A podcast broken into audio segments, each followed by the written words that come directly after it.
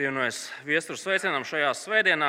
Tiem, kas mani nepazīst, mans vārds ir Mārtiņš. Martinsons, esmu šīs draudzes mācītājs.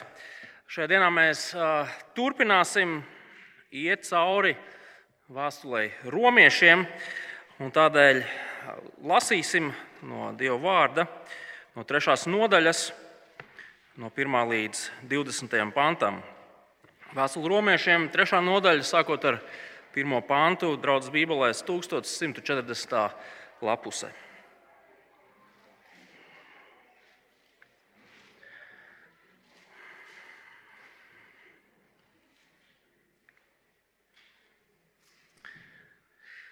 Kāda tad ir priekšrocība būt jūdam un kāds labums no apgaizīšanas?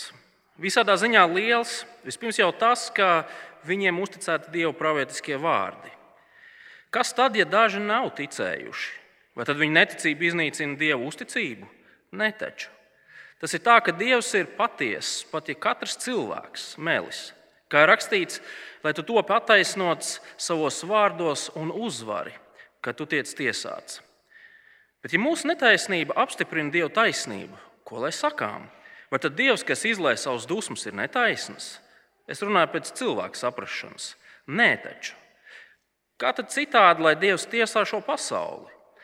Bet, ja Dieva patiesība manas netaisnības dēļ viņam par godu pieaug, kādēļ es kā grēcinieks vēl tieku tiesāts, tad jau darīsim ļaunu, lai nāk labais, kā daži zaimodami runā, ka mēs tā mācot.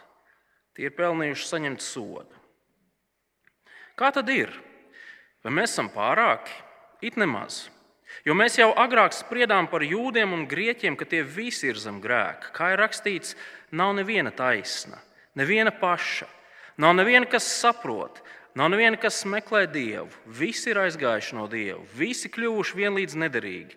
Nav neviena, kas dara labu, pat viena nav. Viņu rīkli ir atvērts kaps, Ar savām mēlēm tie vienmēr ir krāpuši. Čūsku inde ir zem viņu lūpām. Viņa mute ir pilna lāstu un rūkuma. Viņu kājas ir žiglas, ka tie steidz izliet asinis. Posts un ciešanas visos viņu ceļos. Miera ceļu viņi nepazīst. Dievbijības nav viņu acu priekšā.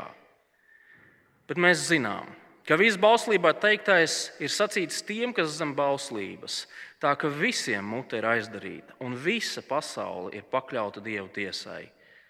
Tādēļ viņa priekšā neviens cilvēks ar bauslības darbiem attaisnots netiks, jo caur bauslību nāk apziņa par grēku. Tas ir kunga vārds. Amen. Īsumā vēl lūgsim, lai Dievs palīdz savu vārdu arī mums saprast.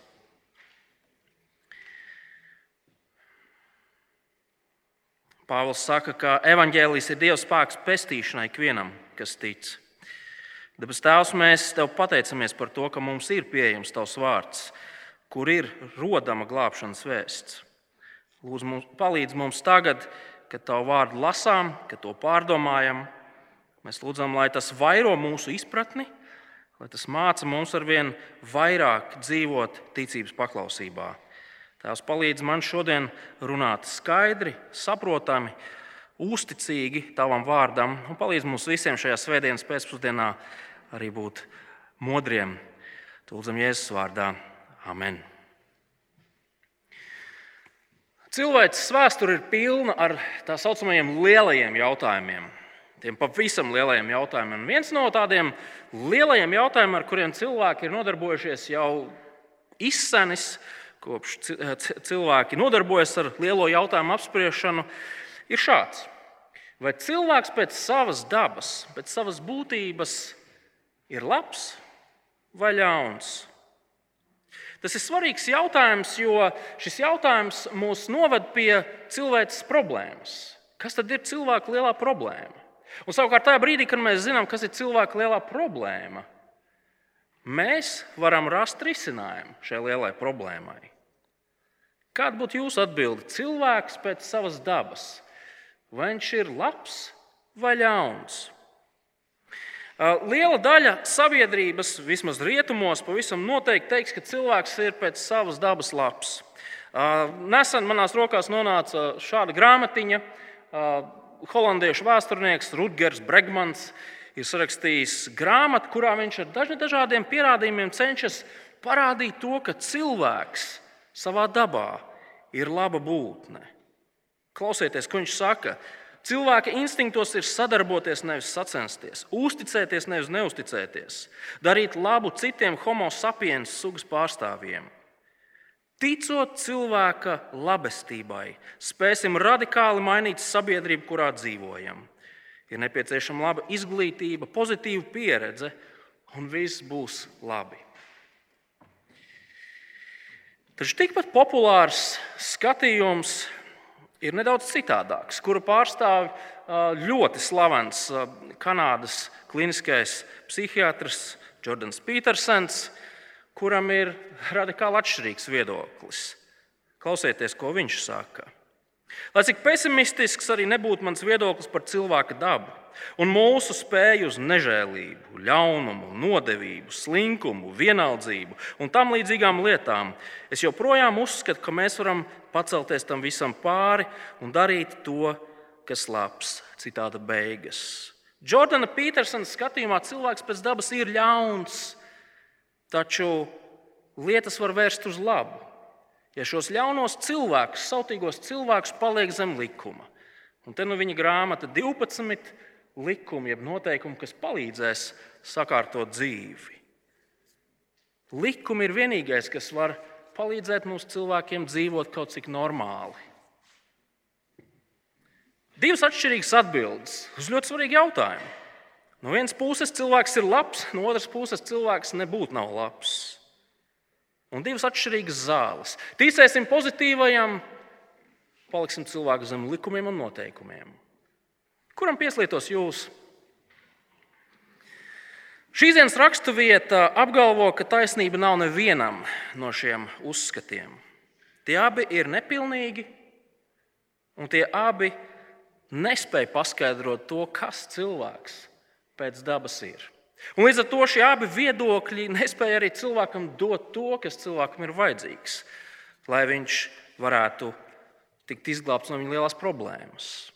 Šīs dienas raksturvietā Pāvils ļoti skaidri pasaka, ka ar cilvēku ir daudz sliktāk nekā mēs varētu iztēloties pat vispesimistiskākajās prognozēs. Ieskatieties vēlreiz 9. un 10. pantā, 3. nodaļā. Kā tad ir? Vai mēs esam pārāki? It nemaz. Jo mēs jau agrāk spriedām par jūdiem un grieķiem, ka tie visi ir zem grēka. Kā ir rakstīts, nav neviena taisna neviena paša. Lūk, Dieva atbilde uz jautājumu par to, vai cilvēks pēc savas, savas dabas ir labs vai ļauns. Un Dievs saka, nav neviena taisna, neviena paša, nav neviena laba. Visi ir ļauni. Dzirdot šādu spriedumu, mēs, protams, Nu, nedaudz salacamies un, un satraucamies. Tāpēc, ka mēs neesam pieraduši tādā veidā domāt par cilvēkiem pareizi. Turklāt cilvēki taču dara daudzus labus un krietnus darbus. Arī tie, kas sev nepieskaita tik ātri būt pie kristīgās baznīcas, taču nodarbojās ar labām lietām, pareizi. Viņi rūpējās cits par citu. Tad kā mums saprast to, ko Pāvils šajos pantos saka? Un redziet, ja jūs esat tikai pirmo reizi šeit pieslēgušies, tad es jums atgādināšu, ka šajā raksta vietā Pāvils noslēdz garāku argumentu, kuru viņš iesāka jau pirmās nodaļas vidū. Un šajās nodaļās līdz šīs dienas raksturvietai Pāvils runā par to, ka kādu dienu pilnīgi visiem cilvēkiem būs jāstājas Dievu priekšā, lai taisnīgi saņemtu to, ko cilvēks ir pelnījis par saviem darbiem, par savu dzīvi, Un pantu pēc panta, sākot ar 1. nodaļas 18. pantu, Pāvils, um, Pāvils parāda to, ka cilvēks ir vainīgs Dieva priekšā. Pilnīgi visi cilvēki ir vainīgi. Un nav svarīgi, vai cilvēks ir absolūts bezdievis, vai viņš ir tāds vienkārši mietpilsonis, vai viņš ir ļoti reliģiozs, jūtas, nav svarīgi. Visi ir vainīgi Dieva priekšā. Un tādēļ Pāvila mērķis ir sagraut jebkādas ilūzijas, maldus, ideālus par to, kā mēs varētu uz sevi raudzīties. Pāvils vēlas, lai mēs skaidri zinātu to, kāda pēc savas dabas ir cilvēce kopumā un katrs no mums individuāli. Lūk, atbild uz jautājumu par cilvēka dabu, par cilvēka noslēdz, par cilvēka būtību. Visi ir zem grēka. Neviens nav bez vainas Dievu priekšā. Draugi, jums izklausās pēc tāda visnotaļ drūma un nopietnas predikta, tas tieši tāds arī būs. Visas ilūzijas tiek sagrautas. Visi maldi, visi ideāli tiek sabrucināti. Un tā šajos pantos mēs redzam to, ka Pāvils definē, ja būs tāda diagnoze, kas cilvēkam kaiš. Pēc tam viņš runā par pierādījumiem, kas pierāda, ka tas tā patiešām ir. Un beigās viņš pasaka to, kas tad cilvēks tādēļ sagaida. Tad vēlreiz, kas ir tā diagnoze? Mēs jau redzējām, ka diagnoze ir tāda. Visi cilvēki ir zem grēka. Uh, es gribu piebilst, ka mēs šajā dienā nekavēsimies pie trešās nodaļas pirmajiem astoņiem pantiem, bet lai jums būtu vispārējais priekšstats par to, kas tur notiek, Ziet, Pāvils pirmajos astoņos pantos noslēdz otrajā nodaļā iesākto domu, kurā viņš ļoti skaidri parādīja to, ka um, mūsu ārējai reliģiozitātei, visiem rituāliem, ceremonijām, kurus mēs varam darīt, piesaucot Dievu, tam nav nekādas nozīmes. Tad, kad runa ir par mūsu attaisnošanu Dievu priekšā. Šajos pantos 1 līdz 8. Pāvils atbild uz diviem potenciāliem jautājumiem, kas tādam reliģiskam cilvēkam varētu rasties. Un pirmais ir, nu, nu kāds tad labums būtu reliģiskam? Kāds labums būtu jūdam? Un atbildi ir, ir labums būt jūdam. Kāpēc? Tāpēc, ka tu vari zināt to, ko Dievs tev ir teicis.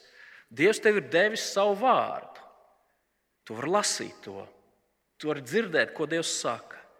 Taču vienīgā problēma, ka cilvēks ar to neko nedara. Viņam ir dots, bet viņš neko nedara. Un otrkārt, kāds varētu prasīt, bet, draudziņ, kā tad ir? Vai tad Dievs nav neusticīgs tam, ko viņš ir solījis? tiesājot savu izradzēto tautu. Viņš taču teica viņiem, solīt, jums būs zeme, jums būs bagātības, jums būs svētības, jums būs viss pārējais. Kā tad ir? Un Pāvils saka, ziniet, tas ir pilnīgi aplams arguments, tāpēc ka Dievs savā vārdā brīdināja savus ļaudis. Ja jūs dzīvosiet nepaklausībā, jūs atgriezīsieties trimdā. Tas mūs novada pie, pie šīs dienas pantiem, kuriem mēs gribam pievērsties daudz vairāk. Vēlreiz devītais pants, kas ir kaut kādā ziņā kopsavilkums tam, ko Pāvils ir centies pateikt līdz šim. Kā tad ir, vai mēs esam pārāki? It nemaz. Jo mēs jau agrāk spriedām par jūdiem un grieķiem, ka tie visi ir zem grēka. Nedaudz pārfrāzējot 9. pāntu šīs vēstules kontekstā, mēs varētu teikt, ka Pāvel, Pāvēlam kāds jautā, vai cilvēkiem, kuriem ir pieejama Bībele un zināšanas par Dievu, vai viņiem ir kaut kādas priekšrocības tajā dienā, kad Dievs tiesās cilvēkus? Un Pāvila atbilde ir ļoti skaidra. Draugi, ar Bībeles zināšanām vien nepietiek, lai cilvēks iegūtu attaisnošanu. Piemēram, Latvijas Universitātes teoloģijas fakultātē ir daudz Bībeles eksperti. Viņi mums varētu norādīt uz dažādām grieķu un ebreju valodas niansēm. Viņi mums varētu stāstīt, nezinu, kādas teoloģiskās attīstības un tradīcijas. Bet šie cilvēki, ne visi, bet daži, vairums, ir kristum neticīgi cilvēki. Viņa lielās Bībeles zināšanas un ekspertīze absolūti neko nedod. Kāpēc? Tāpēc, ka cilvēka lielā problēma ir tā, ka viņš ir zem grēka. Jūds, grieķis, visi ir zem grēka. Bet ko tas nozīmē? Ko nozīmē tas, ka cilvēks ir zem grēka? Burtiski tulkojot, tas nozīmē to, ka cilvēks ir grēka vergs. Grēks ir kā tāds vergturis, kurš ir pakļauts cilvēku. Grēks ir cilvēka saimnieks. Ko tas savukārt nozīmē? Un vispār, kas tas par grēku? Un tas mūs aizved uz Bībeles pašu, pašu sākumu. Uz pirmo mūzes grāmatu, kur trešajā nodaļā mēs lasām to, kā, kā sātana kārdināti cilvēki izvēlējās nepaklausīt dievam. Tādējādi ar visu savu būtību noliekot sevi dievu vietā. No pirmās mūzes grāmatas, trešās nodaļas, cilvēka moto ir šāds: Cilvēks, nevis dievs, ir visu lietu mērs. Un Pāvils šo grēku piemin arī 1. nodaļas 18. pantā. Var ieskatīties Vēstulē romiešiem. Bet par to cilvēku bezdievību un netaisnību, kas dieva patiesību nomāca netaisnībā, no debesīm atklājas dieva dusmas. Tātad Pāvils šajā brīdī Trešajā nodaļā runājot par grēku, saka, ka grēks ir tas, ka cilvēks ar visu savu prātu, sirdi, spēku noliedz patiesību par Dievu. Cilvēks pēc dabas ir grēka vergs, patiesības noliedzējs, Dieva atmetējs. Un nav svarīgi, vai mēs runājam par senās pagātnes pagāniem, sinagogu apmeklējošiem jūdiem, Romas impērijas karavīriem, par vīriešiem, sievietēm, sirmgalviem, nedēļu veciem mazuļiem, universitātes pasniedzējiem, celtniekiem, pārdevējiem, politiķiem, skolēniem, studentiem, latviešiem, amerikāņiem, ukraiņiem, kristītajiem, nekristītajiem, valsts patriotiem, mecenātiem, Latvijas lepnumiem, noziedzniekiem cietumā. Pilnīgi visi ir zem grēka. Pilnīgi visi ir grēka vergi pēc dabas. Vai cilvēks pēc savas dabas ir labs vai ļauns? Pāvils saka, ka cilvēks pēc savas dabas ir grēka vergs. Viņš atrodas zem, zem, zem grēka. Un kā tāds, viņš ir pakļauts Dieva taisnīgai tiesai kādu dienu. Tā ir diagnoze par visiem cilvēkiem saskaņā ar rakstiem. Un tālāk raksturvietā mēs redzam, kā šī diagnoze tiek pierādīta. No 10. līdz 18. pantam Pāvils izšāva veselu zalvi ar vecās derības citātiem, lai pierādītu to, ko viņš nu pat kā bija teicis. Un šajos pantos mēs redzam zināmu progresiju. Pāvils sāk ar cilvēka sirdi, tad viņš turpinājumā kaut ko pasakot par cilvēka valodu, un noslēgumā viņš pasaka par cilvēka rīcību. Cilvēka sirds ir ļauna. Skatieties no 10. līdz 12. pantam. Kā rakstīts, nav neviena taisna, neviena paša. Nav neviena, kas saprot, nav neviena, kas meklē dievu. Visi ir aizgājuši no dieva, visi kļuvuši vienlīdz nederīgi. Nav neviena, kas dara labu, pat viena nav. Šajos pantos Pāvils citē 14. psalmu. Es nolasīšu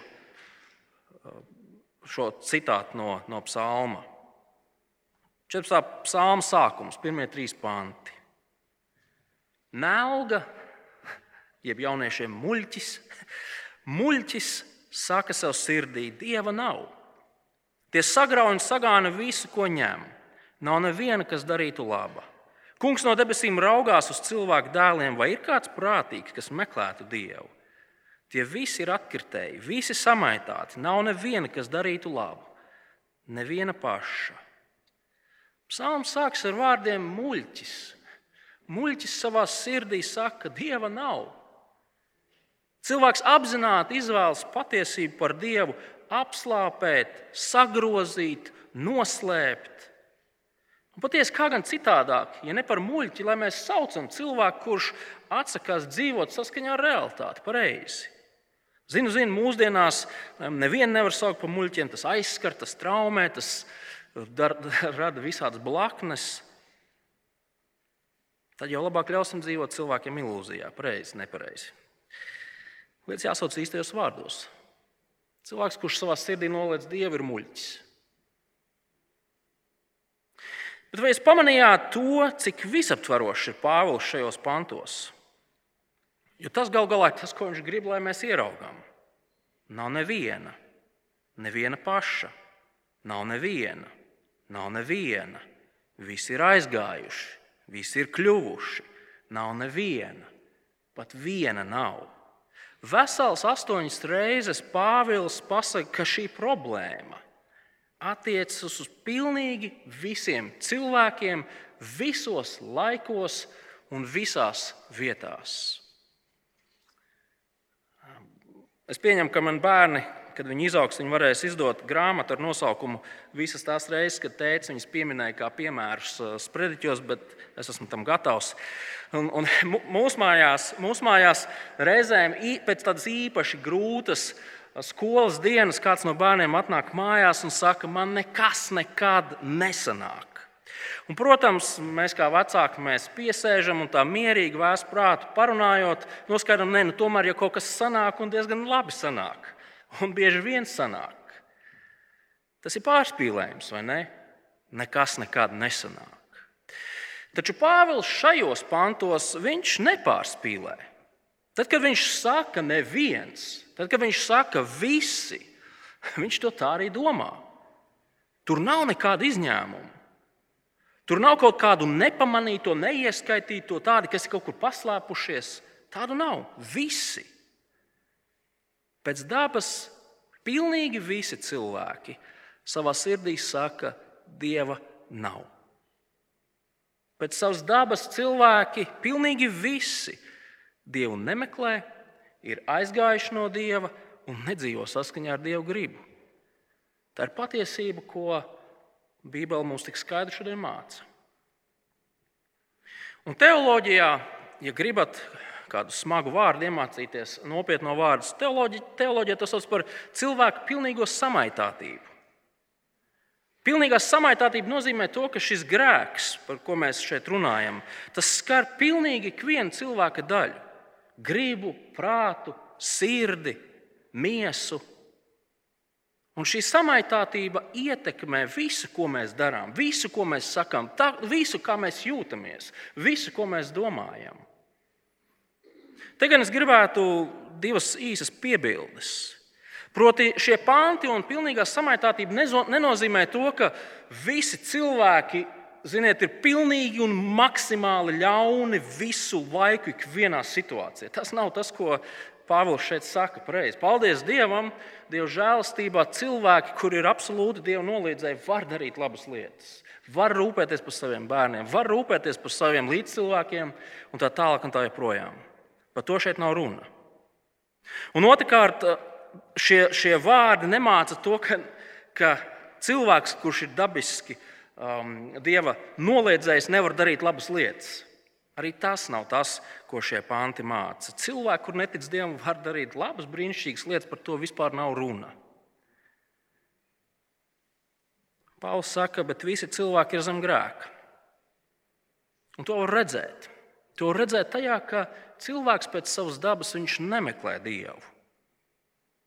Viņš, viņš nevēlas dzīvot tā, kā Dievs to ir atklājis. Šajā brīdī kāds varētu teikt, nu, bet Zini, Mārtiņ, kopumā cilvēki tomēr ir reliģiozi. Lielākā daļa cilvēku uz ielas, ja mēs te veiktu mazu aptauju, teiktu, nu, ka kaut kāds dievs jau ir, kaut kāds augstāks spēks jau ir. Daudz ļoti skaidri teiks, es ticu dievam. Jā, pareizi. Šajā pasaulē tādu īstu ateistu nemaz nav. Cilvēks ir radīts, lai kaut ko pielūgtu, kaut ko lielāku par sevi, kaut ko neizskaidrojamu. Nav svarīgi, kā mēs to saucam, dievs, dievi, dievības, kosmiskais spēks un enerģijas. Visi cilvēki kaut ko lielu meklē un kaut ko lielu ir gatavi atzīt. Taču problēma šajā visā ir tā, ka cilvēks šo savu pielūgsmes objektu, šo lielo kaut ko, kas ir pāri mums visiem, viņš rada pēc savas līdzības. Dabiskais cilvēks nevēlas un negrib neko kopīgu ar Bībeles dievu. Dabiskā cilvēka dievs, dievi, dievības vienmēr būs cilvēka iztēles auglis, kas atbilst cilvēku gribai, kas atbilst cilvēku vēlmēm. Cilvēkiem patīk manipulējami, kontrolējami dievi. Neviens cilvēks pēc savas dabas nevēlas atzīt absolūto, taisnīgo, dzīvo, reālo Dievu. Neviens cilvēks pēc savas dabas nevēlas dzīvot pēc Dieva noteikumiem. Visi cilvēki grib spēlēt šo dzīvi pēc saviem noteikumiem. Tā ir. Un tas savukārt pierāda to, ka mēs esam ar ļaunām sirdīm. Mēs esam vainīgi Dievu priekšā. Es pieņemu, mēs visi esam dzirdējuši teicienu no sirds pārpilnības mute runā. Un tieši mute ir vēl viens pierādījums tam, ka mēs esam vainīgi Dievu priekšā. Proti, mūsu vārdi ir ļauni. Skatieties, 13. un 14. pantā. Viņu rīkli ir atvērts kaps, ar savām mēlēm tie vienmēr ir krāpuši. Čūsku inde ir zem viņu lūpām, viņu mute ir pilna lāstu un rūkuma. 13. pāns viņš izmanto, izmanto, Pāvils izmanto ļoti spilgtu ilustrāciju. Viņa mute ir atvērts kaps. Es nezinu, jums ir nācies pavadīt laiku ilgstoši um, kapsētā, vai, vai kādam varbūt ir hobijs staigāt pa kapiem un tā tālāk. Bet ebrejiem, ebrejiem pieskaršanās miroņiem nozīmē to, ka cilvēks, kurš pieskarās mironim, kļūst nešķīsts. Dievu priekšā nepieņemams. Un tad nu, viņam bija jāiziet cauri šķīstīšanās rituāliem, lai atkal atjaunotu savas attiecības ar Dievu. Un Pāvils saka, draugi, tad, kad jūs varat vaļā mutes, lai viens ar otru runātu, visur atverās kapi, visur ir miroņi un līķi. Visur ir potenciāls kļūt nešķīstiem. Un patiesi, cilvēks ar savu muti, viņš krāpj, viņš mānās. Cilvēka vārdi ir kā čūsku inde, to iedarbība ir lēna, bet graujoša. Cilvēka mute ir pilna ar lāstiem, ja ļoti iespējams šajā valodā, šajā konkrētajā brīdī Pāvils runā pilna ar rupībām. Cilvēki ir rūkuma pilni, aizvainojuma, nepateicības, un viņi to darīs zinām pie mazākās iespējas. No mūsu mutēm nāk ārā lamas, zaimi, stūbi joki, jēlības, baumas, bezjēdzības, meli, liekulība, aprunāšana, bezjēdzīga tarkšķēšana par neko, kurnēšana, nepateicība neapmierinātība, citu nomelnošana. Mēs sarakstu varētu turpināt un turpināt. Un runa jau nav tikai par to, ko mēs pasakām ar saviem vārdiem, pareizi, izmantojot balss saites. Mēs te varētu runāt arī par lietām, kuras mēs rakstām viens otram, anonīmi vai parakstoties ar savu vārdu un uzvārdu. Mūsu vārdi atklāja to, kas ir mūsu sirdī. Mūsu vārdi pierāda to, ka mēs esam zem grēka, ka mēs esam grēka vergi, ka mēs esam Dievu priekšā vainīgi. Un mūsu vārdu to izdara tādēļ, ka mūsu sirds ir ļaunas. Bet arī mūsu darbi ir ļauni. Skatieties tālāk no 15. panta. Viņa kājas ir žiglas, ka tie steidz izliet asinis.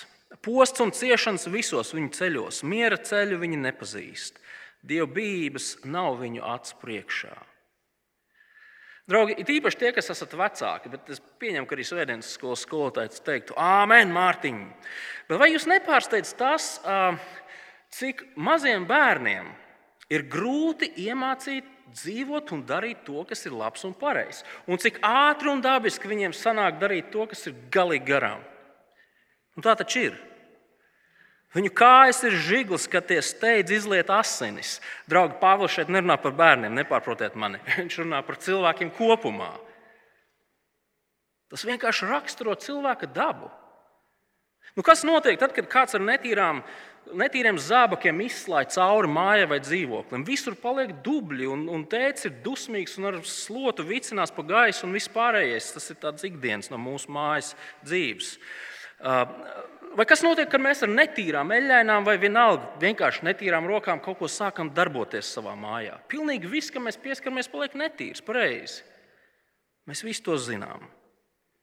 Pāvils saka, posts un ciešanas ir visos cilvēka ceļos.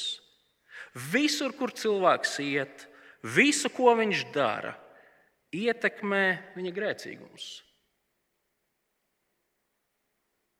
Padomājiet par to, kā šis princips, kā šī patiesība ietekmē sabiedrību, kurā mēs dzīvojam. Vai tā nav? Kāds ietekmē cilvēku savstarpējās attiecības? Sakiet, vai tad neietekmē?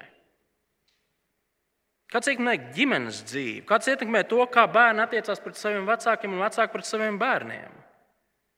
Kāds ietekmē mūsu kolektīvus, mūsu darba vietas, mūsu skolas, mūsu klases, mūsu attiecības ar kaimiņiem no kāpņu telpas?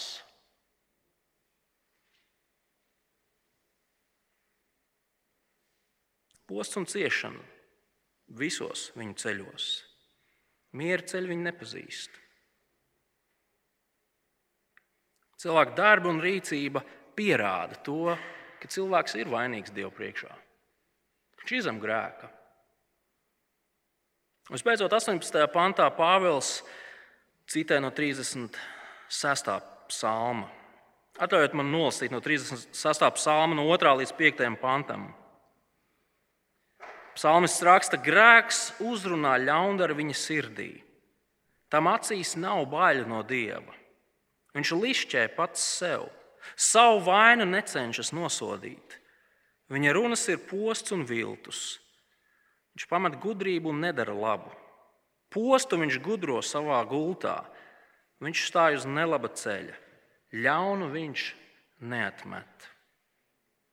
Viss tas, kas ir ļauns un nepareizs ar šo pasauli sākas ar to, ka cilvēks atmet dievu. Viss ļaunais un nepareizais, kas ir mūsu dzīvē, sākas ar to, ka cilvēks nebīstas dievu. Ka cilvēks uzskata, ka dievs gan jau nedusmosies, ka viņš netiesās, ka mums nebūs jāatskaitās viņa priekšā. Draugi, kāds ir cilvēks pēc savas dabas? Pāvils saka, ka pilnīgi visi cilvēki ir grēka vergi. Pilnīgi visi cilvēki ir vainīgi Dievu priekšā. Un pierādījumu tam netrūkst. Sākot ar sirds attieksmi un beidzot ar vārdiem un darbiem. It viss liecina par cilvēku vainu šajā pasaulē. Un kāds ir Dieva spriedums par cilvēku? Ieskatieties 19. un 20. pantā.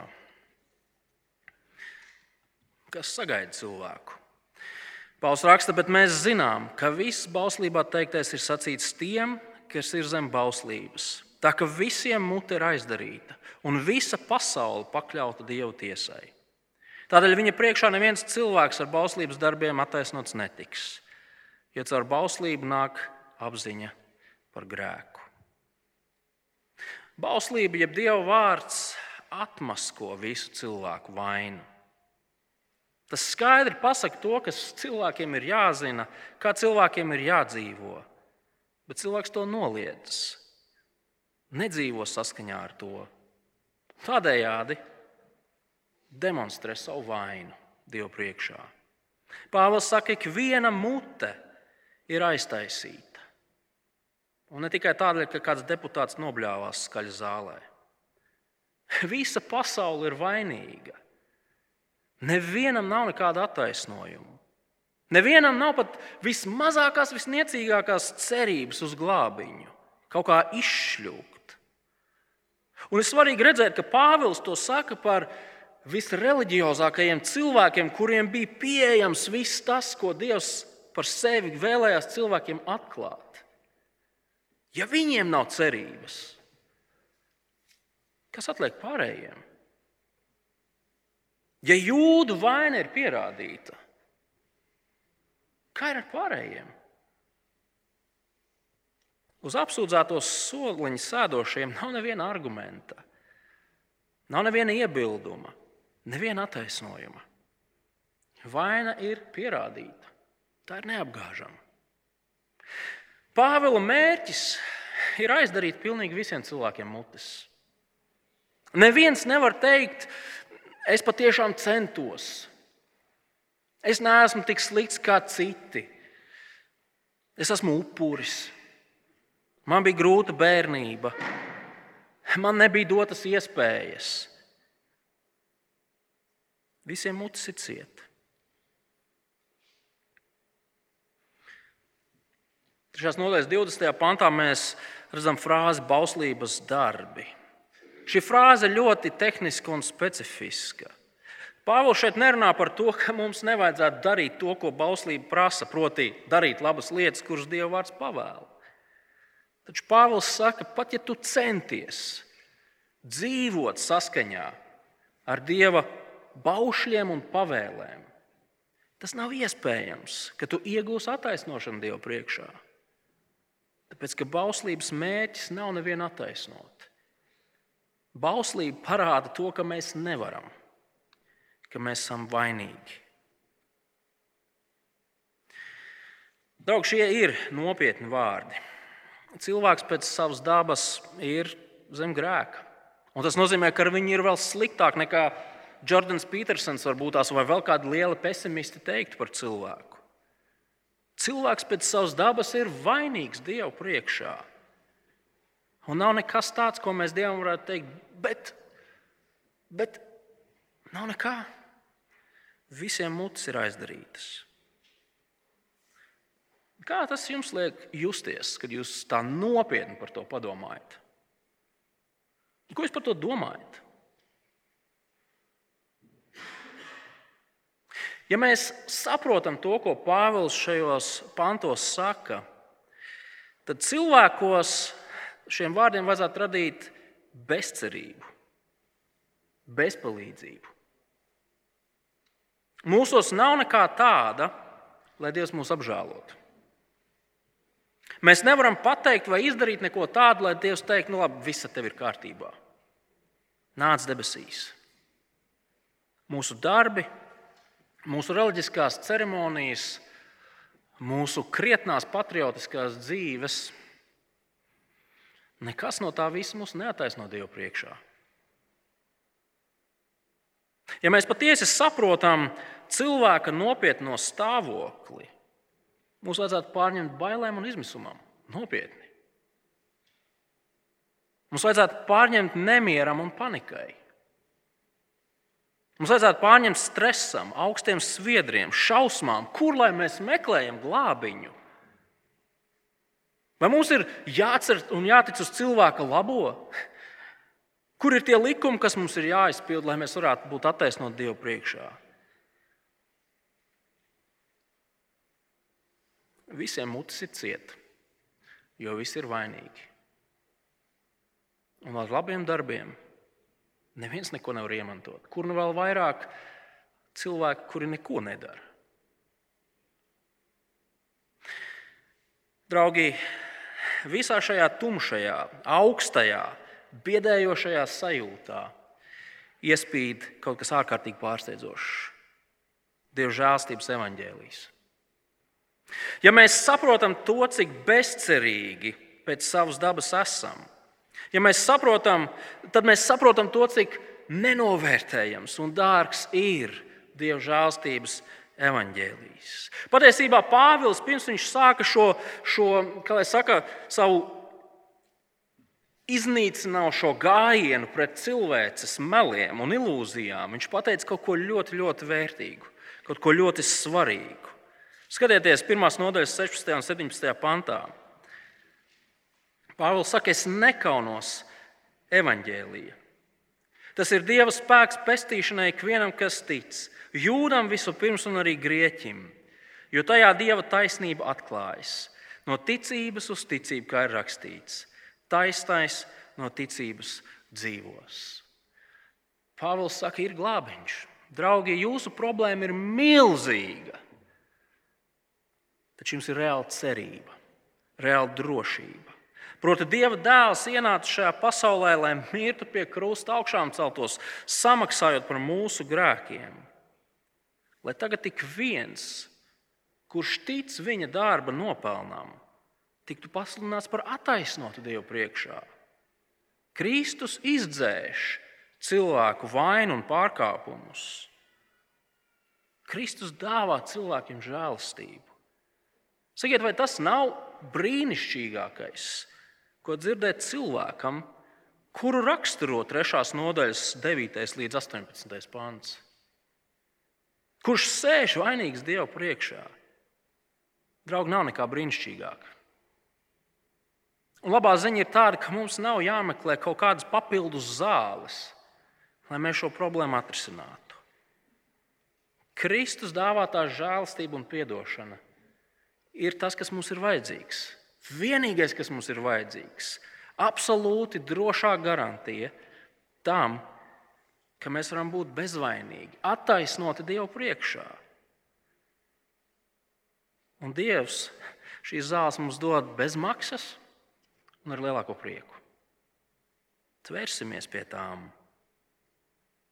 Mēs esam aicināti atmest visas ilūzijas par, par sevi, par cilvēkiem kopumā. Un tā vietā mēs esam aicināti ar prieku un pateicību ķerties un tverties pie Kunga Jēzus Kristus. Pie tā, kādu darbu Viņš ir veicis, lai mūs glābtu un attaisnotu. Kristus ir ticis galā ar mūsu lielo problēmu. Tu nevari atrisināt ticību labajam, tu nevari atrisināt likumu un noteikumu ievērošanu. Nē, caur Kristus veikumu mēs iegūstam attaisnošanu. Ja ticam Kristum, tad mūsu vaina ir izdzēsta. Tad, nu, draugi, turēsimies, turēsimies pie Kristus un liecināsim par viņu citiem cilvēkiem, kas dzīvo ap mums un kuriem ir tikpat ļoti vajadzīgs dzirdēt šo patiesību par to, kā viņi var tikt attaisnot Dievu priekšā. Lūksim! Dabas Tēvs, mēs pateicamies, ka Tavs vārds ir skaidrs. Tur nav kaut kāda mazo burtiņa, tur nav kaut kādi um, caur puķēm teksti. Kungs, Tu savā vārdā ļoti skaidri atklāji to, kādi visi cilvēki pēc dabas ir. Un vienlaikus Tavs vārds mums ir dots, lai mēs zinātu, ka tu esi izdarījis visu, lai šādus cilvēkus, ļaunus sirdī, vārdos, darbos, lai viņus attaisnotu. Tās tu sūtīji savu visdārgāko, savu dēlu, lai viņš mirdams pie krusta samaksātu par visiem mūsu grēkiem un pārkāpumiem. Un lai tagad, stājoties tavā priekšā, tu mums varētu teikt, jā, tu esi vainīgs Taču Kristus dēļ tu esi attaisnots. Nāc iekšā. Dabas Tēvs dod, ka mēs pie šīs patiesības varētu turēties paši savā dzīvē. Lūdzam, lai tā mums dod prieku un pateicību dzīvojot šo dzīvi. Un vienlaikus mēs lūdzam, ka šī vēsts būtu kaut kas tāds, ko mēs sludinām cilvēkiem ap mums. Šī ir vienīgā lieta, vienīgā zāles, ja tā var teikt, kas cilvēku var izglābt no viņa vislielākās problēmas. Tās lūdzam, lai daudz, jo daudzi mūsu līdzcilvēki var dzirdēt par Kristus glābjošo darbu un pie ticības nākuši gūtu attaisnošanu. To mēs lūdzam Jēzus vārdā. Amen.